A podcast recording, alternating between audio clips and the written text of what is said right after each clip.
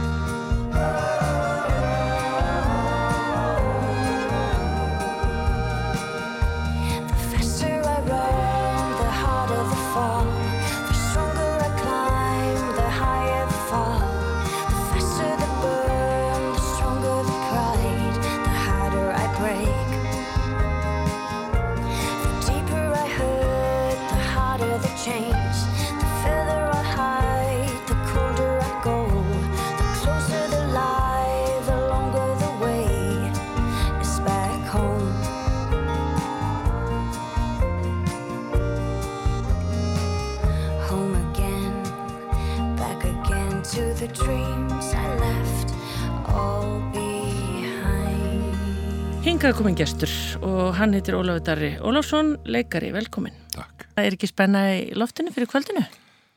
Jú, spenna og alltaf smá kvíði. Já.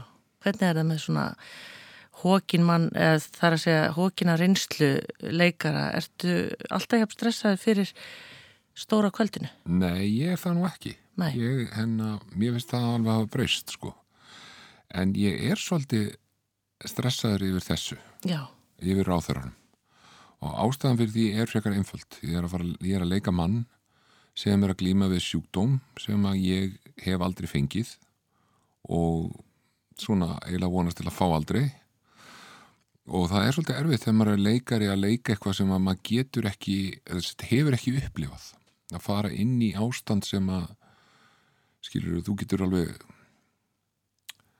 hvernig á ég að orða þetta sko, þetta er bara svo ef ég ætti að leika ég verið drukkin ég hef verið drukkin ég þegar ég leika í þessu drukkin þá er ég ekki drukkin en ég hef verið drukkin. Já, veist þannig ég veit alveg hvað hvaða hlutir eru inn í því. Uh -huh. uh, og ég hef alveg upplifað uh, nánast svona léttamanjur eða þunglindi ég hef glimt við þá hluti og glimt við hvíða og annað. En það held ég að sé svona eiginlega bara nasa þefurinn af því sem að þessi persóna upplifir. Og, og þá verði ég smá kvíðin og aðalega, ef ég var alveg henskin, ég er bara kvíðin að því ég, ég vona að það fólk sem hefur glýmt þennan sjúkdóm og aðstanduðu þeirra sem hafa þurft að glýma við gekvara síki að þau séu ánað og finnist ég ekki að hafa gert þetta illa. Nei, það kemur í ljósi kvöld, við ætlum að tala eins og í lok, lokina eins betur um, um hérna ráþæran og þessa, þessa þætti. Já. Og Lóður, bara byrjum á byrjunni, hvað er þetta fættur á uppalinn? Ég fættur í Ameríku, Já. í Connecticut, þar sem að faður minn var í, í uh, sérfræðinámi og uh, er þar þángar til ég svona kringum fjóra ára gammal og þá síðan þá, þá, svo er ég alveg upp í bregðoltinu. Já, mannst þú mannst alltaf þá ekkit eftir Connecticut? Ég man, nei, mér finnst svona, þú veist, ég muna einn eitt, hlut, sko, en ég man ekkit enga svona skýrar minningar. Nei. Bara svona sögur sem eru hýrt að sér. Já, ummitt. Og, um, og svo bara, já, kem ég hérna heim og og fer bara í leikskóla eins og önnu börn og ég náttúrulega hafi þá verið mikið bara einn heima með mömmu og... Ertu einbyrnið það? Nei, ég á þrjú sískinni ég á eldri bróður og systur og yngri bróður. En mér er svona einn ein saga sem minnst alltaf svona skemmtilega mamma, og ég man held ég eftir því. Mamma tala veginn um það, ég var klættur í sko reggala eins og náttúrulega börn á Íslandi þurfa að vera í. Já. það hafði ég aldrei kynst þarna út í Connecticut og ég stóð bara svona eins og eins og ég væri frosinn og öskraði og greitt bara hvað er þetta helviti þannig að stífur reggan eh, ég, mér, mér rámar í þetta já. þessa minningu. Já, já. en uh, maður veit aldrei. Þannig að þið eru þá fjögur sískinin og bara bygguðu alls saman eða? Já, ég syns eldstri bróður minn er alveg tíu áram eldri en ég þannig ég, við byggum ekki mikið saman eða lengi. Um En já, með sýstu minn og yngri bróður þá bjó ég fyrst uh, eftir við komum heima auðan þá voru mamma og pappa smíða sér hús í, í bregðaltinu þannig að uh, við byggum svona hinnum á þessum stöðum, við byggum á Jöfrabakka og, og í Góðheimunum og, og svo fluttu við í Steinasell þar sem þau höfðu byggt sér hús Já, við selja hverjunu Já. Já Hvernig var að alla stanna upp? Þú náttúrulega kannski hefur enga samanbörð? Nei, það var bara dásamlegt uh, selja hverfið er indislega staður og, og mér þykir alltaf mjög vænt um breiðaldi þetta var svona bara rosa mikið að batnafjölskyldum og, og ungu fólki og, og þetta hverfið er nefnilega ágætla byggt allavega að, að það eru þarna uh, einbílishús og rathús og svo voru, eru blokkir og hluti að þessum blokkum er félagslegt húsnaði þannig að það var rosa góðu þverskurður af samfélaginu Já. sem ég veist rosalega mikilvægt þannig að voru saman krakkar og alls konar bakgrunni með alls konar, þú veist, foreldra sem að e, pappi minni læknir og, og, og, og foreldra sem að, þú veist, voru að þjást eða sérst voru hennar e, örkjar og þú veist bara þannig að þá bara einhvern veginn, það, það er svo frábært þegar þú elst bara upp svona, þá er enginn að pæli því. Nei, allir út að leika Ég man ekki eftir að hugsa um þetta í eina sekundu fyrir bara einhvern tíman eftir á setna sem maður fór að hugsa, já kannski þau átti ekki mikið hérna, skilur við Nei, mér finnst það ótrúlega gott ég, eh, ég vona að það sé enþá verið að hugsa um þetta í, í mann og loksins farin að heyra aftur um félagslegar íbúður og það sé verið að fara að byggja félagslegt húsnæði og, og, og útluta íbúðum í húsum þar sem er ekki líka félagslegt húsnæði sem ég held að sé óbáslega mikið Já, að blanda þessu svolítið saman. Ég bjó, ég voni þess ekki að fara fram úr okkur en ég bjó eitt ár upp í Æsufelli leiði þar með konni minni og meðan ég var að gera bíómyndina börn við leiðum, byggum þar í eitt ár og mér brá svolítið þegar ég bjóð þar Orðið aðeins einsleitar í hópur eða? Já, þá fattaði ég bara að þarna var að vera einhvers konar vísir af uh, mér langar eiginlega bara að segja fótættakverfi mm -hmm. uh, það, þarna voru innflytjandur mikið og eldra fólk sem að hafi mjög lítið á milli handana og ma maður kynntist uh, nokkrum aðlum að því við, þegar við vorum að gera þessa bíómynd þá gerist hún í fellunum að miklu leiti þannig að við vorum að leia húsnaði af fólki og heyrðum sögur bara og ég, sérstaklega ein kona sem að mér fannst þetta svo hræðilega erfitt sko, sem var með held ég einhvern 25 úrskall til að lifa á út mánuðin eftir hún að borga, búin að borga leigu og allt þetta sko. Já, og maður getur rétt ímynda sér hversu auðvelt það er að lifa á því já, emmitt. Já, það hefur verið svona daldið lífsreynsla að upplifa þetta. Já, þá, þá gerist akkurat þetta sko, þá hugsa maður, ok, það er ekki gott að við búum í mjög litlu samfélagi og, og ég held að við erum langflest íslendingar, ég vona það sammála um það að, að fátækt og, og uh, svona allavega stór ójöfnur sé bara ekki lægi. Nei, veist, ég, ég ger mig alveg grein fyrir að, að fólk hefur mismikið á milli handana og, og mér finnst ekkert að því og þeir sem eru mjög duglegir og annað þeir eru með að bara fá sín verðlun fyrir það en mér finnst alveg ósa áasættanlegt að, að, að það sé fólk sem verður eftir Já, og sé kannski hólað á sama stað eða hafi ekki möguleika til að, ég bara komist ekki neitt Nei. get ekki fært sér stað, get ekki þú veist bara og, og sé undir bara með allt undir eins og ég sé, þú veist, ég man bara eftir þessar konu 25 úrskallar mánuði, er engin beiningur nei, emmitt. Uh, hvað hérna, hvað ára ertu fættur? 1973 Já, hvernig var svona breiðaldi? Það er náttúrulega, ég, sko, mér finnst ég alltaf, uh, hérna, ég er búin að taka viðtöl við mjög marga sem einmitt segja frá, hérna, uppvextunum í breiðaldi. Öll þessi náttúra og bara ótrúlega skari af börnum og Já.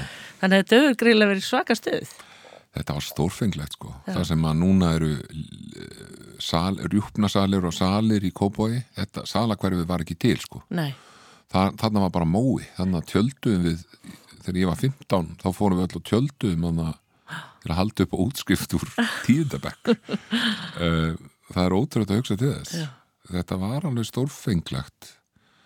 Auðvitað bara eins og þú veist, úlingsárin í öllum þá var þetta náttúrulega ekki bara glansmynd sko. Nei, nei, en hennar og, og það voru svona, þú veist, stundum deilur á milli hverfa. Eh, strákarnir í seljaskóla voru svona okkur svolítið, erfiði stundum. Já, komu og lömda þess á okkur við vorum svo miklu auðvíkjar það var ekki hrætt við okkur En hverju, já, en hverju varst þú ekki í seljaskóli, í selja hverfinu? uh, ég var í Öldseskóla Já, ölduselskóli. Já. já, já, þannig að Öldseskóli og seljaskóli eru svona skólanir í selja hverfinu já, já, já. og uh, allavega á þeim tíma var svolítið lumbrað á okkur og, og þar á undan manni að voru rosa stríð á milli sko fellaskóla og hólaskóla og, og, og, og þetta var svona að ég veit ekki, það þykir frekar töff í dag segja maður sigur úr bregðaltinu Já, ég er, ekki, ég er alveg sammálaði. Hérna. En uh, hvernig stráka varstu? Varstu bara óskup hefðbundin gaur? Já, ég ætlum ekki að segja það ég var bara, Varstu í boltanum eitthvað? nei, ég var ekki því eins og leis Nei, ég var svona, var reynd að draga mig á einhverja handbóltæfingar en ég einhvern veginn, ég náði aldrei að festa rætur í neinu svoleiðis. Ég held ég hafi nú verið svona frekar uh, frekar ágætur. já, ekki er alltaf. svo- Nei, nei, alls ekkert svoleiðis. Nei. Ég var alveg góðu strákur þannig og, og Nendur að læra? Ég, nei Ég er svolítið svona, nei Ég, var alltaf sko svona það sem að- hefur alltaf verið svona mest áhugaverð fyrir mér Já, Mér fannst svona gaman að ég átti mikið af vinum, mikið af góðum vinum veist, var formað nefndaráðs Þú veist, fannst nefndaráð og allt það rosa skemmtilegt var svona uh, plötusnúður og þú veist, allt svoleiðis fannst mér rosa gaman já, já, já. Uh, en svo er ég líka bara, þú veist, ég hugsa tilbaka algjör klúðræði með konur og stelpur og svona, ég bara Feimin? í feimin og einhvern veginn bara ég bara vissi ekkert hvernig ég átt að vera skilur, það ógislega fyndið að svona eftir á þá mann maður bara, já, þessi stelpa hún var örgulega að reyna að fá að kissa með eitthvað þannig á þessu tímanbili eða svona að reyna að komast eitthvað í sambandi og ég bara, já, ég fatt ekki neitt en ég er mjög fattlaus þegar kemur ofta svona hlutum, sko Já, já, já. ég veit ekkert hvað er að og ég held ég búið bara einhver leiti svolítið í eigin heimi sko. Hvað, kláraður þá skólagönguna í bregðaldi? Fórstu Já, bara- í students í hérna FB eða? Nei, ég dreif mig í MR Já, hvað var það? Sko ég við- þegar ég útskast úr tíundabæk, nýjöndabæk þá, sem var þá nýjöndabækur núna tíundabækur, þá hennar þá var það fyrsta skipti sem að voru ákveð svona að, að svæði skipta mentaskólum Já, og, og einhver hluta vegna á mjög furðulegan hátt varð fjölbjörnskólinni Ármúla einhvern veginn eh, hverfiskóli öldurselskóla en eh, bæði pappi minn og sýsti mín höfðu gengið í MR og og einhver hluta vegna beiti það í mig að mér langaði fyrir MR en ég var ekki neinar einhvernir í það.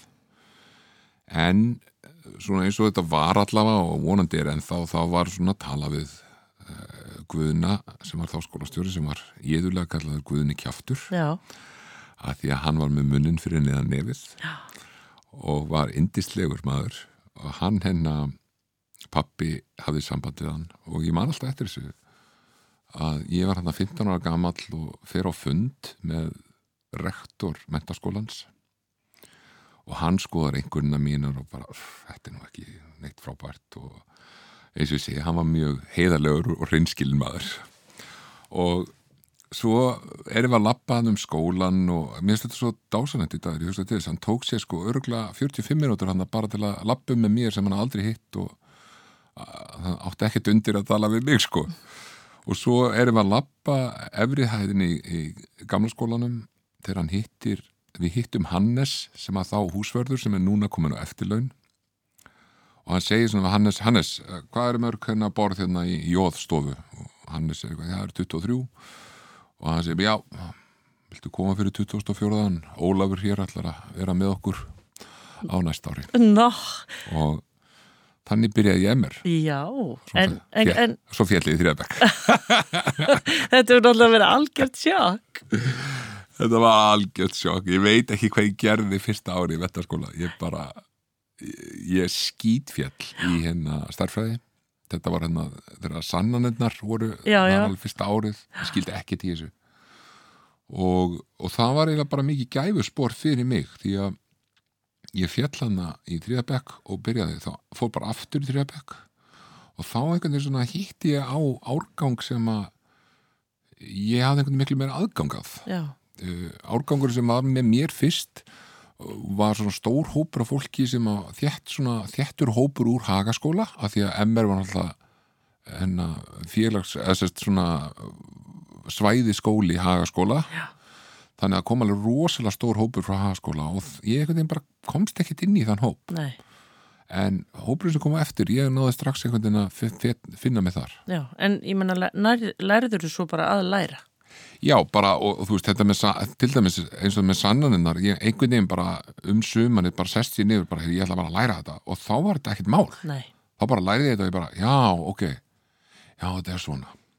Og þannig hefur það oft verið með mig, skilur, eins og ég bara var lengi barðist fyrir því að ég væri lélur í starffræði, en svo er það ekkert þannig. Ég hef alveg gaman á tölum og mér finnst starffræði skemmtileg og, og hérna, bara hella sér í þetta. já, svona bara, ég er svona grunnstillingi mín er leti. Já, einmitt.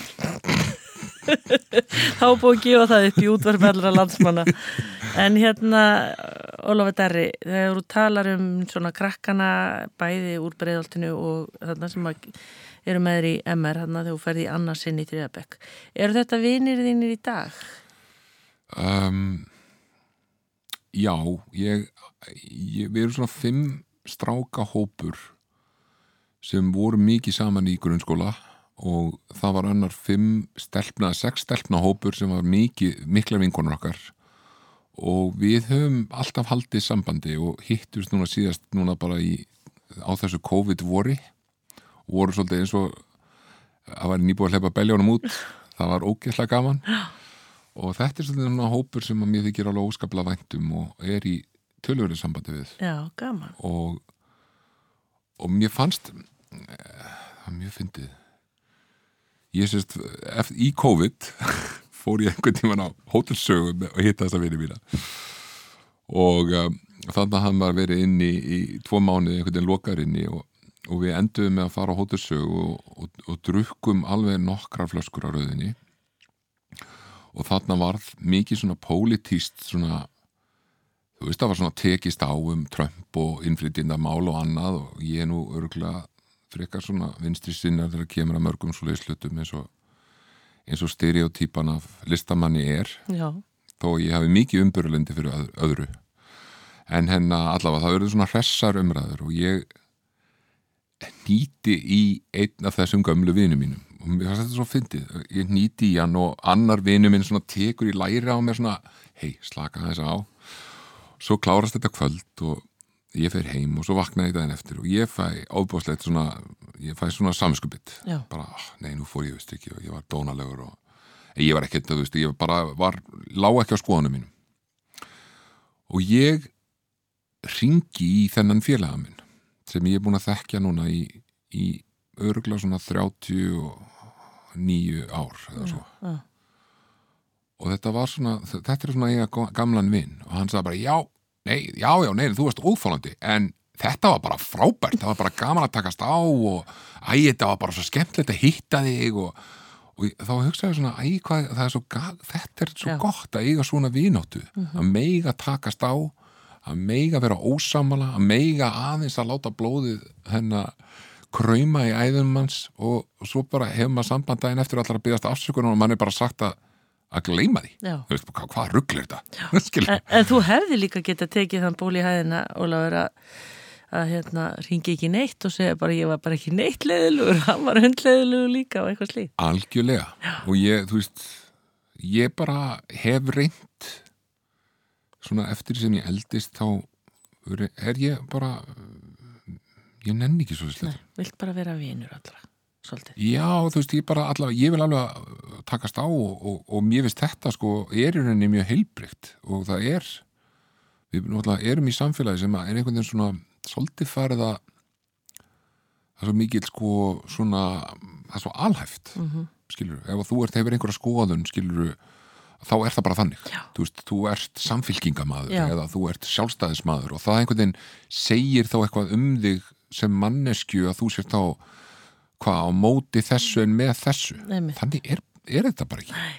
Og Það er gamaldags svolítið pólitík, eða gamaldags hugsunáttur. en, en sko samfélagsmiðlanir hafa einhvern veginn orðið til þess að alhæfingar eru svo stórar og það er svo auðvelt að taka fólk út og henda því bara fyrir strætóin. Já, já, og svo erum við bara farin að pæla í næsta hlut veist, það er bara hundurinn Lukas og við hefum tveimur dögum í að taka af lífi alltaf fólk sem að átti að hafa komið að því máli og svo kemur ljósa að hundurinn Lukas er ekkit Já. dáinn, hann er bara hress Eða stelpur sem fara að hitta fótboltastráka. eða það um? akkurat, Já. nákvæmlega og, og fyrir utan að eins og í því tilviki að við leifum eru 18, 19 ára ég ætla ekki að segja börn en Nei, ég, meni, ég vissi ekki hvað klukkan slóð þegar ég var 18 ára Nei, skilur. nei. mér finnst ég í rauninni ekki hafa vita neitt fyrir bara fyrir svona kortir í síðan þá var ég aðeins að fatta eitthvað sem er ót, það er svo áhugavert af því að ég man þegar ég var yngri þá bar ég svo litla virðingu fyrir reynslu og eftir því sem ég eldist þá byrja alltaf meir og meiri virðingu fyrir reynslu af því að ég bara átti að má er dýrmætt já. En það hefur þá ekki verið þannig að það væri hrókafullt. Ég hef náttúrulega sko oft verið hrókafullur og, og, þú veist, og ég er það alveg að einhver leiti ennþá sko. Mér finnst ég alltaf að vera að glíma við einhver svona, ég er alltaf að reyna að balansera einhver tróka en samt sjálfströst skilju, því að maður þarf að hafa sjálfströst maður þarf að trú á sér og, og í, í umhverju sem ég vinn er mjög mikil samkeppni og, og hún krefst þess að maður kunni svona allavega þú veist að maður láti ekki hafnanir eiðilegja sig að því að þú ferði fullt af pröfum þegar oft, mér hafnað alveg rosa oft Já, já. og, og mér, mér er alveg hafnað en þann dag í dag þó að ég hafi náð mjög langt í því fæi sem ég vinn í. Já, já, og smátt og smátt þá bara svona þar maður að ekki bara búið sér til einhvern skráp heldur líka bara að vinna úr þessum höfnunum og leifa sér að njóta þess að vera hafnað já. Það er ekki verið að dæma Ólaf Darra. Það er bara hann passaði akkurat ekki inn í þetta hlutverk eða bara það var einhver annar betri. það er bara nákvæmlega þannig Já, einmitt. og þegar maður hefur setið henni með borðið þá hefur maður séð sko stundur sagt við leikara að þú myndir ekki trúa því hvaða er lítið sem þarf ég, ég get kannski komið með stutt dæmi Já. ég og vikingur vinu minn uh, gerum sjómaserju núna í sumar með Baldvinni Setu og Glass River fyrirtekin hans sem að heitir Vegferð já, og uh, sem að Víkingur skrifaði og hennar í þeirri sjónvarsöru vorum við náttúrulega að vinna svolítið mikið í að finna réttu leikarna og annað. Og ég gleymi því aldrei að við hittust á einum fundi með einni leikonu og sáfundur byrjaði á því að við vorum að tala um leikonu sem við ætlaðum að ráða sem að er að vestan að því við vorum að fara að skjóta fyrir vestan og þegar við löpum út þá vorum við komið með kallmann á miðjum aldri sko bara algjörlega bara hina hliðina á þessari mannesku Já. og það var bara í gegnum eitt spjall. Já. og þetta var, þetta var sem ég svo fyndið að við labbaði út sko, það er bara, þessi, hlutur, þessi kona var með hluturkið þegar við löpum inn. Já. og þegar við löpum út þá var komin önnur manneskja kall með sama hlutur já, og engi móðgæðist þau fengi aldrei vita af því. Nei, eða hann, hún fekk aldrei að vita því. Hann Nei. fekk hluturkið og það var frábært. En, en það, það er einhvern veginn sko eh, já, það er rauninni bara maður þarf að átta sig á því að það þarf svo lítið til að að það fari frá einum til annars. Og það hefur oft ekkert með að gera með hæfileika eða eða neitt annað, það hefur bara að gera með eitthvað svona praktíska hluti eða hreinlega eins og þessu tilviki þá fannst okkur dýrmætara að láta þessa leikonu sem er að leika með okkur sem heitir Þórun Arna sem er nú ekki há í loftinu þó hún sé andlegur risi að hennar hún þurfti að hóta mannesku og okkur fannst að lokum bara miklu fyndnar og myndi hóta stórum svona kallmannlegum manni með mikið skekk heldur en uh, ungri leikonu einmitt, þannig var það bara Já. Já. En hérna, menturskóla árin bara svona, já, gekk þetta bara, fjálstu nokkuð aftur? Eða Nei, rúlaður ég bara? náði því ekki. Nei, ég, en en Nei, nei. sittur þú þá náminu vel eða bara fórstu einhvern veginn í gegnum þetta bara svona, ég syndi því sem ég nefndi að sinna. Já, hvort varstu á náttúrufræði eða, ég var á, á málabraut sem að þá var kallað flugfröðudeild sem að má öruglega ekki kalla flugfröðudeild Nei. lengur, það þýkir ekki bísi var latína? það var nýmála tvö. Þá var ég lærði ég latín í tvö ár. Uh, já, eitt, yfir tvö ár held ég ég lærði latínu, frönsku, dön, nei, frönsku, dönsku, þýsku, spænsku og ensku, íslensku náttúrulega Og ruglaður svo öllu saman.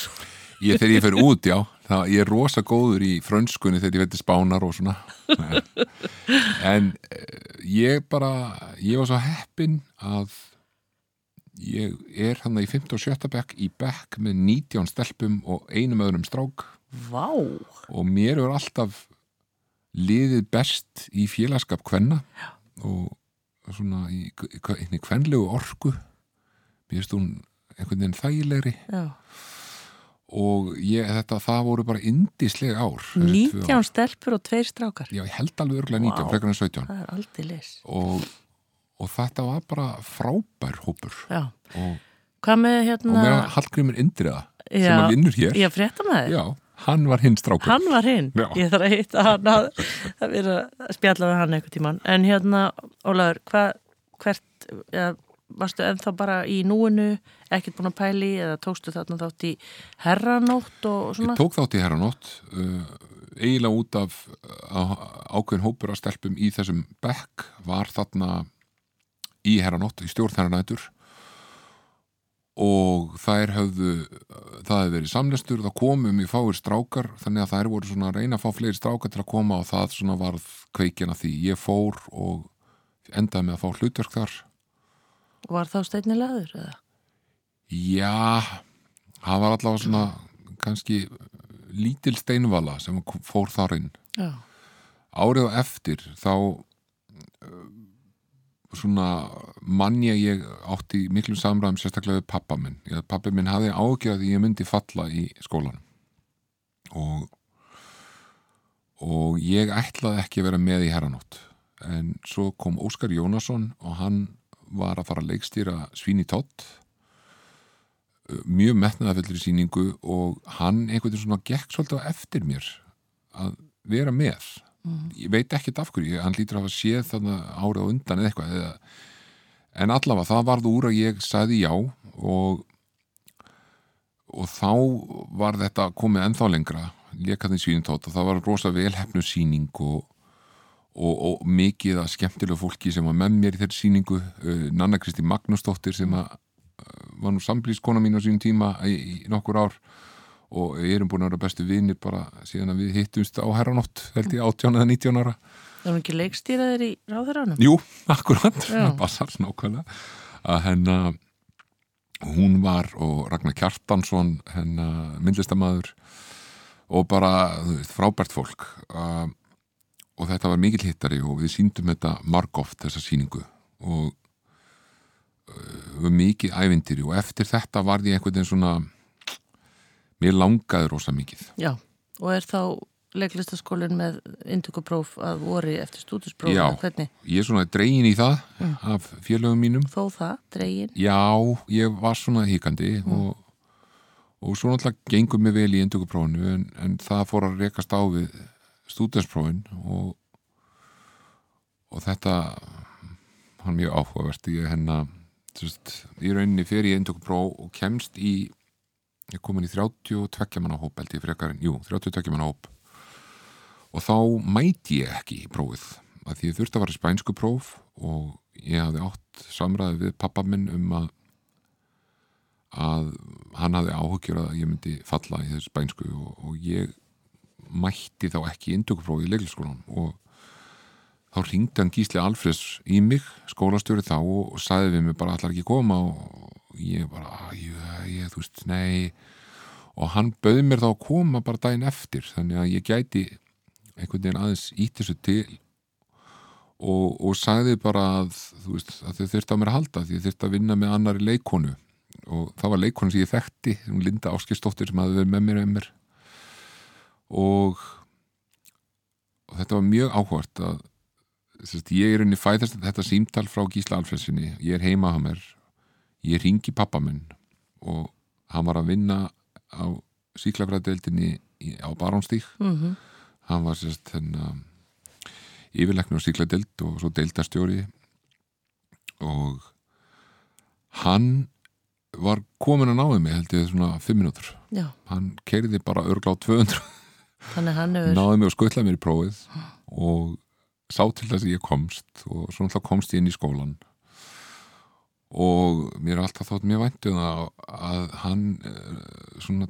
tveimur, þreimur án síðar bað með afsökunar að hann var næstu kostað mig þetta. Já, en, En- þú, þú ert í rauninni þá bara sama vorið stúdent og komin inn í leiklistaskóla Já, en ég hef alltaf skilið sko, pappi var náttúrulega bara hafði ágjur af að, að ég myndi einhvern veginn geta, fá hvort sko. Já. ég myndi falla í stúdinsprófunum og ekki komast í leiklisskólan og, og kannski hafa hann ágjur af því að ég yrði leikari. Já, því einmitt. að þetta er náttúrulega Þetta er hark. Þetta er hark.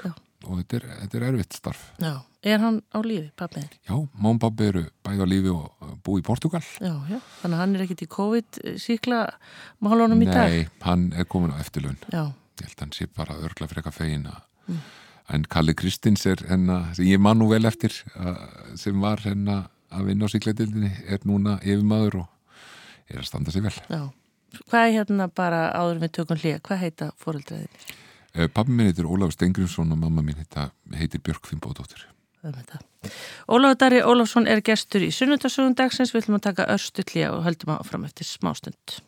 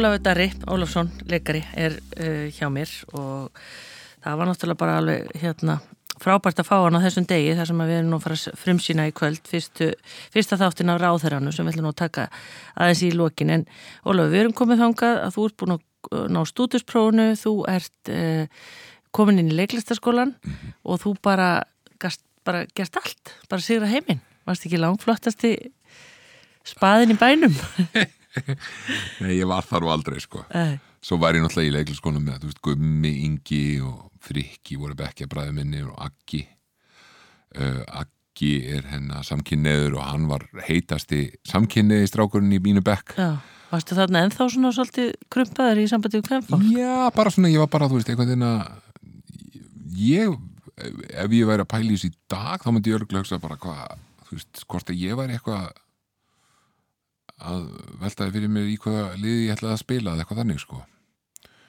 En það var ekki þannig, ég bara var veginn þú veist, ég var svona bara var ekkert að pæla mikið þessu, Nei, ég veit ekki á hverju. Það er kannski ekkert að pæla mikið þessu endilega. Nei, ekki þannig, sko. Nei, ég meina ég var örgulega bara feimin við stelpur og, og svona bara ég man allavega ekki, þetta var ekki mikið eh, vandamál og ég hafa alltaf verið svona svolítið skrítin besta vinkona mín, ég átti svona bestu vinkonu eh, sem var hún Anna Geða vinkona mín, við vorum sko bara saman nánast bara alla daga alltaf í svona þrjú ár eða fjör ár sko. Mm. ekki, þú veist, kynferðslega bara sem vins já, og bestu vini sko ég man að við sátum og horfðum ekkert á klámyndir saman og vorum bara, já, já þú veist, svo bara fór allir heim og þetta var frábært sko, ekki slag gaman dásaleg. En hérna var þetta ekki frábær tími, leiklistaskólinn? Jú, Erfiður? hann var erfiður sko, talandi um eko og, sjálfhverfu og annað sko, leiklistaskóli er í eðli sínu algjör sjálfspegill þú ert náttúrulega allt í hennu komin í nám þar sem að þú ert að greina fólk og hegðun fólks og, og hennar skoða aðstæður og svo ertu náttúrulega alltaf að spegla sjálfan þig í aðstæðum og skoða þitt líf. Og svo er náttúrulega er þetta ansið svona opinber hlutur að vera leiklistanemi það var allavega þannig að leiklistanema voru svolítið í blöðunum Já, já. og það komið fréttur um hverjir hefðu komist inn í leiklistaskólan Allsbyr í sturtu saman, allsbyr í sturtu og all- þessum að gleymum maður þessi aldrei. pakki sko.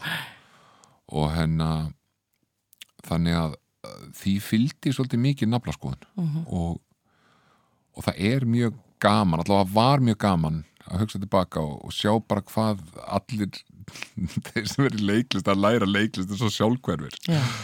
Og Og verða kannski að vera það? Já, ég held að, ég held að það bara hluti að þessu skilur, og, og, og ég man að þú veist, það voru vini mann sem kom í einhver leiklisskólapartí og voru bara, þetta er leðlistu partí sem ég hef komið í. Af því það bara talað um leiklist og maður fór náttúrulega bara í leikhúsin og, og maður hló að sjá suma leikarinn í leikhúsinu og þetta er ömurleg sýning og að skilur þú veist, þetta bara, sem er náttúrulega bara hluti af uh, svona vinnu. Já, og það er nú frægsagan að því þegar yngvar sig byrjaði í leikúsinu og ég, held ég sé að fara rétt með þess að sögu og Randver Þorláksson sem hann nú ansi og er ansi góður svona með munni fyrir neðan nefið já, að hann saði við yngvar bara nei, blessa þess, bara árið null í leiklist þegar yngvar var að byrja. Og, hafði ekkert gerst. en, en það þarf að vera þannig því að þú veist, þú þarft líka að útskrifast úr leiklistinni með það fyrir augum að þú ætlar að breyta heiminum. Þú ætlar að gera þetta. Þú ætlar að þú veist, og, og þannig verður þannig heldur leikúsi áfram að endurnýja sig. Þú Já. veist, Vesturport varð til sem einhvers konar svar við einhverju láteiðu sem okkur fannst vera Einmitt. í leiklistarheiminum þá. Og ég efast ekki um það. Í dag sé einhver sem horfður á Vesturport og bara uh, uh, þetta gamla Já, plebbalið, skilur og þá kemur einhver annar með einhvern nýjan Einmitt. sem ætlar að gera þetta eitthvað nýtt. Já. og þannig á það bara vera. Já, þannig var það með grímu, þannig var það með alþjóðleikhúsið. Uh, þessi leikhópar sem hafa orðið til í gennum tíðina vor, þú veist, leikusið þurfti að halda. Já, einmitt. En þegar eftir útskrift í leiklistskonum, ég hugsa svo oft um það, hérna, þá voru kannski helmingurinn af bekknum eh, komið með hlutverk eða búin að fá eitthvað svona lofórð.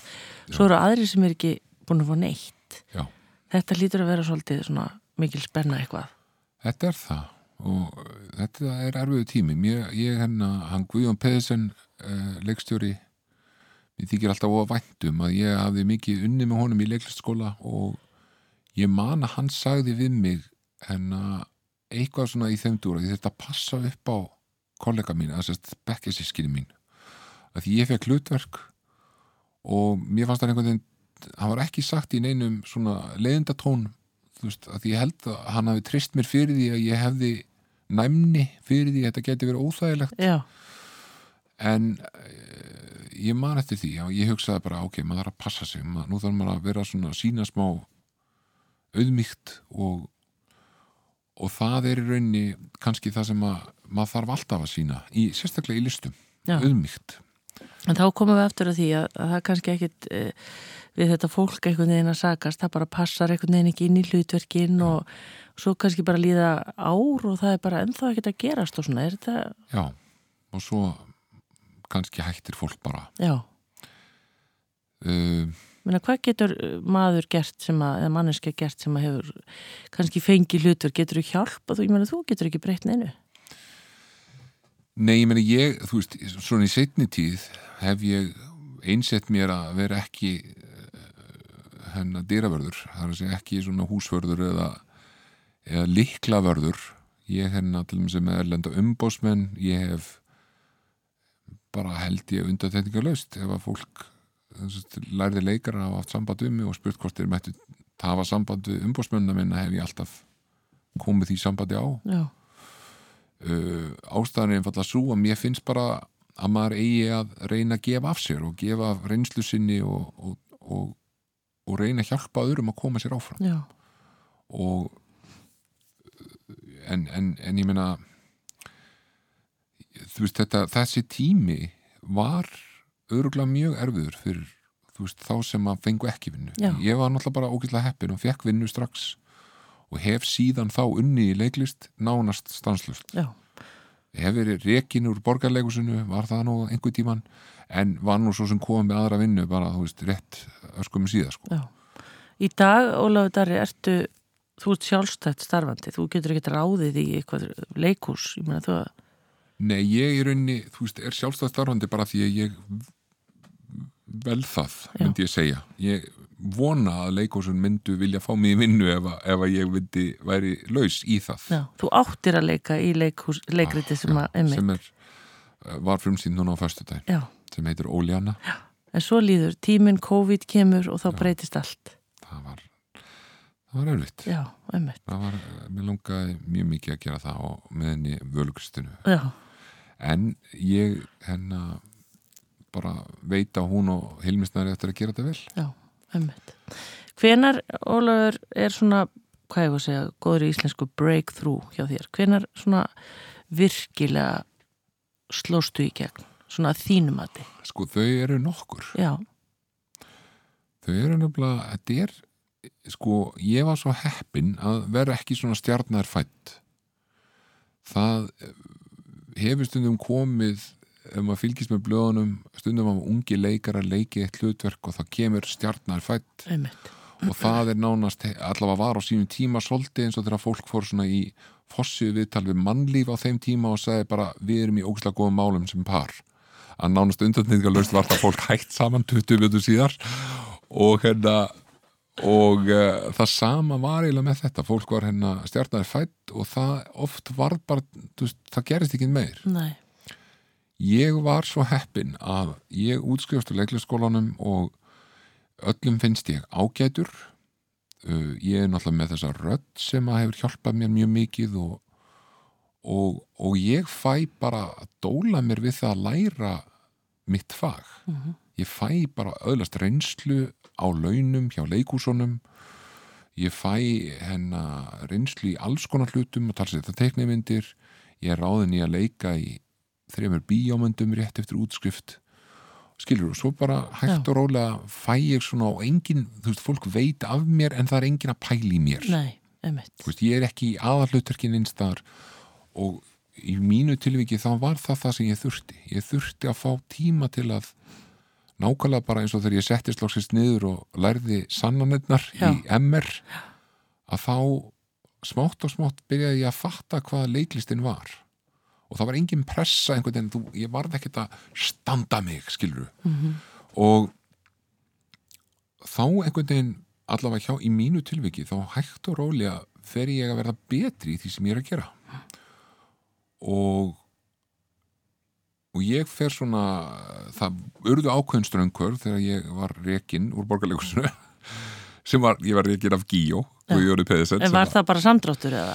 Var Það var, þú veist, bara, já, Já. það var peningar, þú veist, borgarleikur sem var í alveg ofbúslega vondum málum eh, peningarlega og sagði upp sko mér og Köllu. Við vorum svona ungu leikararnir Köllu Margrét sem að vinnu núna í borgarleikusinu held ég sé fast á henni í borgarleikusinu uh, og og sagði, sem var miklu erfiðara sagði upp sko eldri leikurum uh, Jóni Hjartarsinni og, og Valgerði Dan og Sigurði Kalsinni og, þau, það var náttúrulega miklu miklu sárara og, og örgulega erfiðara þó ég vil ekki tala fyrir þeirra hönd en, en þau voru náttúrulega miklu eldri og, og fyrir mig sem að þá var nú bara um þrítugt eða eitthvað skilur þá var þetta ekkit svona mikið mál þannig. Mm, bara eins og að falla í þriðabökk í MR já, þetta var höfnun. Já, en, en það sem var frábært þessu höfnun og það sem ég náttúrulega naut góðs var að, að með því að vera þrítugur var að ég gæti þá nýtt þetta mér í hag þarna tók ég bara ákvörðun ég, mér fannst ég vera góður leikari mér fannst ég hafa lagt hart að mér. Ég var ekki ánaður í borgarleikusinu mér fannst ég ekki vera að fá þau hlutverk sem að ég átti skilið. Mér fannst eh, svo talið tæpitungulaust þá fannst mér það var alltaf verið að segja við mig að leikhúsið væri svo kallað ensemble leikhús sem er í rauninni fyrir þá sem kannski þekkja það orð ekki í rauninni merkingin er svo að það eru allir jafnir í leikhúsinu. Það er svona þetta sósélist leikhús. Já, það er að segja í dag leikuru bara varðmann í Shakespeare-verki en á morgun leikuru Pétur Gaut. Einmitt. Vandamáli var bara það, það var alltaf verið að segja við mig að ég var að leiki en sambúrleikusi en svo var aldrei þegar komaði að ráða í Pétur Gaut þá var alltaf bara að fengi yngvar Já. eða hilmisnær Einmitt. eða einhver sem var ekki að vinna í leikusinu og þetta, mér gramdist þetta mjög mikið og mér fannst þetta að vera svolítið svona vörusvik. Og ég hugsa að það hafi alveg lagt, þú veist, verið hluti að ástæðan fyrir ég var látið fara, ég var svolítið óþægilegur með Já, þetta. ég, ég talaði mikið um þetta. Og allavega, svo er ég látin fara og ég einhvern veginn þannig bara að hugsa bara, nei, ég ætla bara að sína og sanna að ég sé þessi leikari sem að og þar er ég heppin Já. ég fæ þarna tvö hlutverk uh, eiginlega þrjú hlutverk sama veturinn sem eru gjör ólík og öll bjóða upp á mikil svona þau bjóða upp á mikla eftir þetta ef þau eru velgerð Já, þannig lék ég fósturina í Rómeu og Júlíu hjá Vesturporti Einmitt. sem hann náttúrulega bara er besta hlutverki í gleymi Rómeu því og aldrei Júlíu bara. Það er stórkostlegt hlutverk. Og er svo skemmtir þetta leikana og hún er svo dásamleg og ástrík og svo vittlaus og skemmtileg og þú veist, hún er bara það er held ég bara eitt skemmtilegsta ég hef leikið. -hmm. og ég alveg nöyti, var bara sást á sviðinu komið fast gaman sko. Klæða upp í kjóla, þetta var svona í fyrsta skipt sem ég man ég hafði virkilega skoðun á búningunum mínum. Og vildi fá svona kalla maður það ekki tjull, svona Jú. ballett tjull á Já. öll pilsin mín það var svo gaman. Og svo leik ég í síningu sem hétt Quetch sem að eh, Felix Bergson og Kolbrún Haldósdóttur áttu eða, áttu eða eiga leikhús eða svona leikfélag saman sem að settu þá síningu upp í Vesturporti fyrst og svo var hún færði yfir í borgarleiksu hún, var svo, hún gekk svo vel. Og svo leik ég í Full Monty í þjóðleikusinu einmitt. Og þetta var bara leikárið eftir ég hætti og, og eðlilega þá reis stjarnar mín hratt þarna við þetta. Vesturport makti náttúrulega mikla aðdegli og svo síning fór út og oftar en einu sinni til útlanda til Breitlands og í kringum þetta fer ég líka bara að verða miklu meiri aukumadur í eigin ferli. Ég bara hætti að ég, ég ger mig bara grein fyrir ég geti aldrei látið neitt annan bera ábyrð á neinu. Nei, ef ég vildi vera, sko, ef ég vildi vera leikari sem geti valið úr hlutverkum þá yrði ég bara sín og sanna að ég gæti verið sá leikari og ég yrði þá að velja úr hlutverkum. Og ég bara gerði það. Og eins og ég segi, var mjög heppin að fá þessi hlutverk til að sína þá og sanna því að það er svo sannlega margir sem vilja fá að sína og sanna en fá bara ekki tækifæri til þess. Og, en ég var mjög proaktífur þarna og ég fór og ringdi þá kvikmyndaframlendur uh, kvikmyndarleikstjóra sem hefðu fengið styrk frá kvikmyndarmiðstöð til að bara segja, herðu, maður ég góðum pröfu já, sama hvað, ég skal leika mann í sjoppu. Ég hef ekki leiki, hafði þá ekki leiki í bíó í nokkur ár.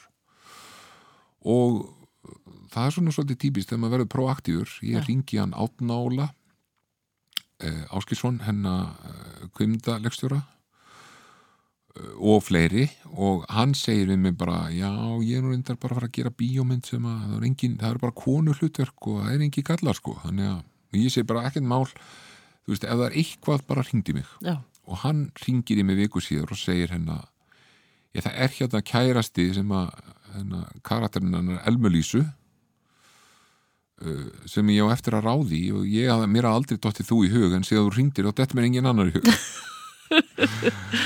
Og ég fór í pröfu og það hlutverk og þá allt innu þú veist stóði mig vel í því og þá allt innu opnaðist sá klukki og og samstarf mitt náttúrulega með Gíslaerni og Bytnilinu og Nínu og Víkingi og, og öllu þessu frábæra fólki sem var í Vestuporti. Við gerum marga sýningar saman.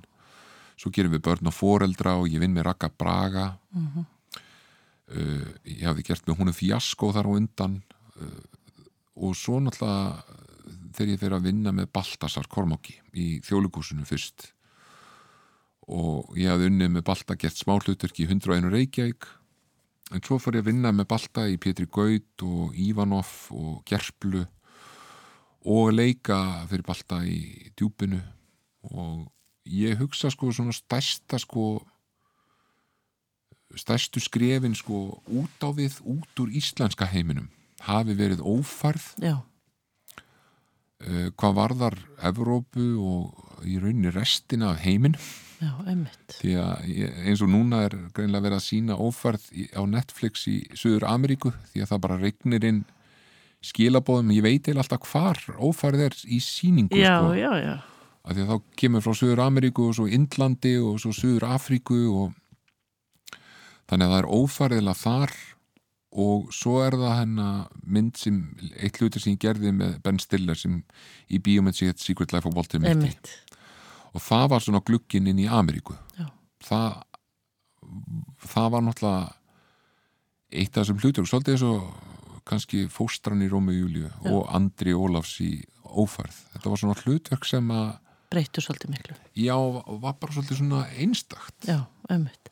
En ertu þannig, náttúrulega fyrir COVID, og náttúrulega búin að vera núna marga mánuð í Íslandi, en þú veist, þekkir fólk þig á götu út í hinnum stóra heimi? já, það gerist alveg Já. Já, já, já, ég lendi oft í því og Hvernig á það við þig? það ná bara ágætla við mig mér, mér finnst mér þykir voða vænt um uh, einhvern veginn hvað fólki þykir vænt um mig ég veit ekki hvernig orða þetta Nei, en ég meina að því þú og seg... Íslandi sko, Já. ég finna ég man sérstaklega ég var einhvern veginn í leifstöð og var að fara að fljúa til Ameríku og sýsti mín var líka að fara að fljúa til Ameríku og ég er að versla hana í uh, einni að búðunum þar. Og ég svona hver konuna sem er að afgreða mig og hún hann að greinlega langaði að segja eitthvað meira við mig hún kallaði svona eftir mig bara okkur þykir öllum svo væntu, við stöndum öll með þér eitthvað svona, segir eitthvað svona. Og þetta var þegar íslenska landslið var að spila úti. Já, og sýsti mín svona lítur upp og bara hvað var þetta? Og ég segi eitthvað svona ég, ég held bara hún að fengi svona eins og ég var í landslið og það er mér, veist, mér þykir ótrúlega væntu og ég, það er tilfinning sem ég skil sjálfur ég, ég fæ alveg svona netta hamingjatilfinningur þegar ég sé hvað er mikið af fólki sem elskar Sigurós Já. eða þegar Raggi Kjartans opnar enn eina sýninguna sína eða þegar þú veist fólk út í hennum stóra heimi er farið að kaupa hennar verkinans loða hörskulds eða að ég skilju hvað ég meina veist, ég, ég, mér þykir þannig, mér líður þannig sjálfum Já. og, og það er svolítið svona einkinlega tilfinning þegar þú ert einhvern veginn orðin Já. þessi manneskja en En þá bjargar þeir kannski bara hvað þú ert eitthvað svolítið svona utan við þig og bara svolítið í þínum eigin heimi. já, já, ég, þú veist en þetta er í rauninni aldrei neitt vesen nema það kannski þegar fólk er drukkið Já. En ef þú fer bara eins og hérna í hagkaup eða bónus eða er það fólk sem þarf endilega að tjá sig um einhvern hlutverk eða bara segja hvað þú sést flottu gaur eða eitthvað. það hefur alveg komið fyrir. Ég, það er svona, mis, svona misjamt sko, ef þetta eru uh, krakkar eða ungt fólk þá erum við bara að taka mynda okkur. Já, uh, ég, já, eldra fólki fæ ég mjög oft þessa tilfinningu akkurat að eldra fólk stundum stoppar mig og þakkar mér fyrir hvað ég hef verið að gera á svona mjög einlega hnátt þannig að maður verður einhvern veginn svona hálf feiminn og já, ég þakka þér fyrir að segja mér það. Uh, þetta er þetta er svona uh, svolítið óraunveruleg tilfinning Já. að þetta er ég já, þetta er og þetta. ég er svo lítið merkilegur sko og ég, þú veist, vakna með sjálfum mér og ég er bara grömpi á modnana og, og, og hérna en, en svo er alltaf, eins og ég segi, svo er alltaf svo gott þegar maður bara heima á sig með stelpunum sínum að þær vita að ég er ekkert merkilegur en, en, en bara hver annar sko. Nei, það styttist hérna í annan endan sko, ég hef náttúrulega getað haft þig hérna í þáttaröð en bara rétt, þú, ég man einhvern tíman eftir viðtali við þig. Og sagðist að hitt, hitt konaðina í ostabúðin á það, ég veit ekki okkur ég man þetta en það er ótrúlega sætt. Það er það, það var mjög sætt. Hún að kaupa ost og þú, en hún var að vinna þar. Hún var að vinna þar, Já. ég var að kaupa ost. Það er nú enda mjög fyndið sko til að gefa eh, endurskoðandarinn mínum sem að fósturfæðir hennar Nönnu Kristínar sem að varði einhvern veginn endurskoðandi minn þá og er ennþá endurskoðandi minn í dag hann Dofri, hennar, hann Rökkvaldur Dofri eh, sem vinnur hjá Ernst og Young. Og þeim tíma náttúrulega bara átti ég ekki mikið pening og var bara listamæður og, og það var svo sætt að Dofri vildi aldrei þykja laun þannig ég einhvern veginn svona var alltaf já ok, ég þarf að gefa honum eitthvað þannig ég fór og gifti andunum ostakörfu. Og þar hitti ég þessa stelpu sem var svona sjúklega sætt og, og eitthvað spennandi og við eiginlega tölum mjög lítið saman ég er bara eitthvað svona og svo þú veist svo ringdi ég, ég hún sagði mér að hún var dansari og ég ringdi í Kötu Johnson sem að var dansari þá að vinna með dansflokknum og, og hún svona spurðist fyrir hvort hún ætti kærast á hana og það komi ljós og nátti þann ekki og þá að lokum vann ég mig upp í að ringi hana og bjóðan á stefnum já ég var náttúrulega að sína ég var að leika í Rómi Júliu og Kvets og Full Monty þannig við fórum út að borða á miðgutaskvöldil og ég var náttúrulega allsber bæði í Kvets og Rómi og Júliu þannig að hún eiginlega freka fljótt vissi hvað hún var að ganga út í. Þetta var ekki frábært. Já, frábært, ég segi bara frábært en hérna, og hún heiti hvað? Lofís Ósk. Og þið er tvær stelpur. Við höfum tvær dætur, við höfum Heklu Lind og Emblu Emilíu sem eru náttúrulega bara einstakar eins og öll börn eru. Það er allavega, þú veist, það er svona kannski svona típist og væmið að segja en, en mér fannst þess að ég áttaði mig loksins á tilgangi lífsins þegar börnin minn kom í heiminn, sko, Já. og fattaði hvað þetta gengur út á. Hvað er það gamlega? Þær eru 6 og 10 ára, alveg að vera 10 ára Já, í desember.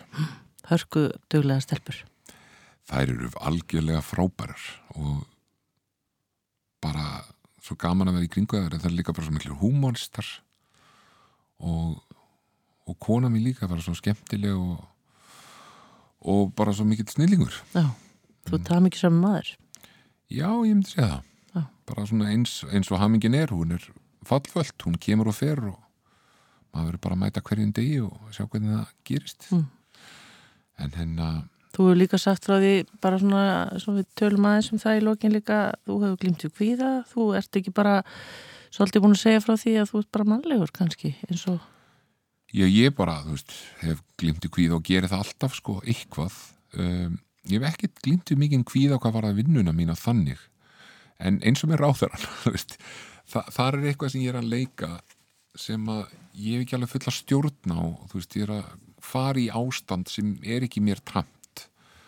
Og eins og ég segi, bara það, það sem ég vona mest að öllu er að fólk, fólk sem hefur glimt í þennan sjúkdóm eða þekkir einhvern sem hefur glimt í þennan sjúkdóm að þeim finnist ég ekki hafa eh, þú veist, sínt honum neina vannvirðingu eða bara að ég hef gert það vel það skiptir mig mjög miklu máli Já. en eigum að tala eitthvað á ráðarann við hefum ekki talað um ráðarann Nei, ég bara, sko, ég býð svo spennt að ég ætla bara að poppa í kvöld. okay. En er þetta svona eitt af magnasta sem þú hefur gert?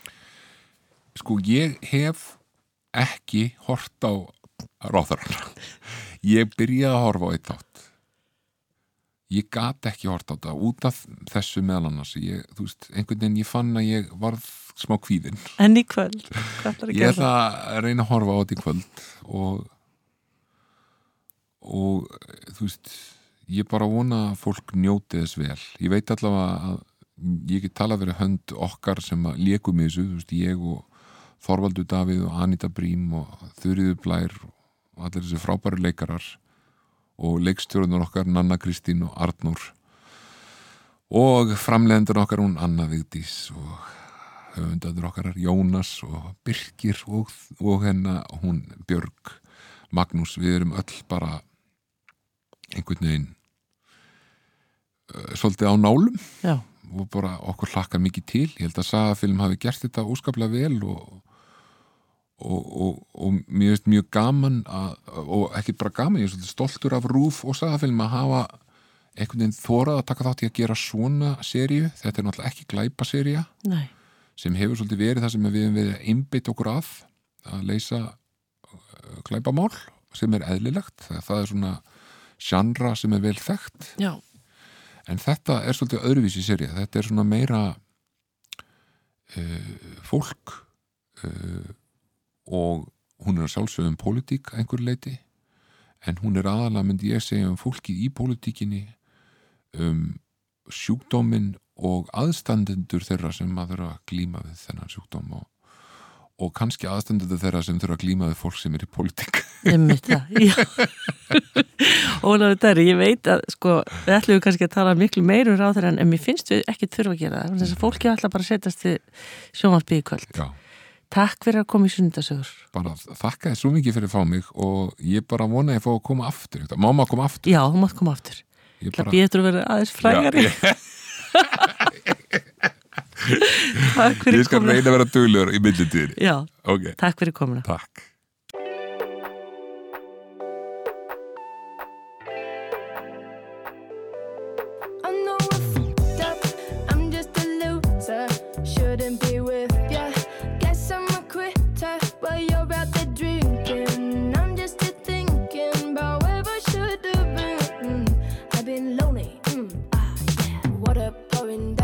the ceiling. I knew this would happen. Still hard to believe it. Maybe I'm dramatic. I don't wanna see me. I don't wanna panic. I'm a sad girl in this big world. It's a mad world. All of my friends know it's heaven. You're a bad thing.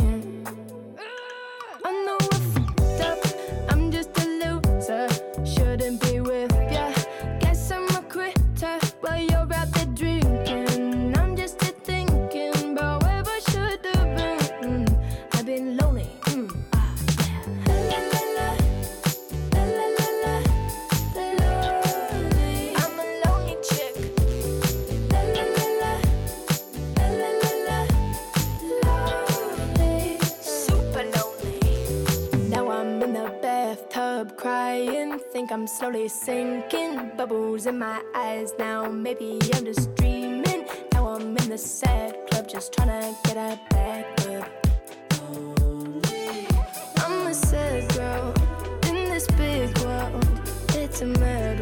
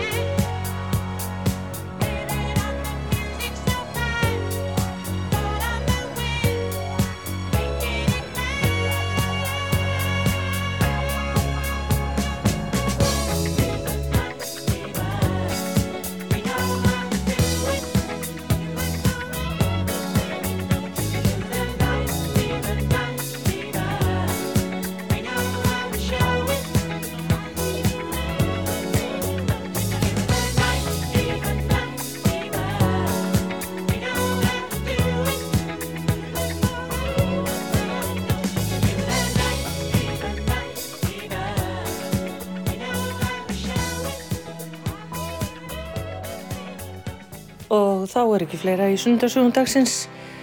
Það er upplýsingafundur almannavarna sem hefst hér klukkan 2 og svo er það Andrea Jónsdóttir með þátt sinn Pressan. En ég þakka gesti mínum Ólafi Darra fyrir komuna, ykkur fyrir að hlusta, njóti dagsins, bless bless.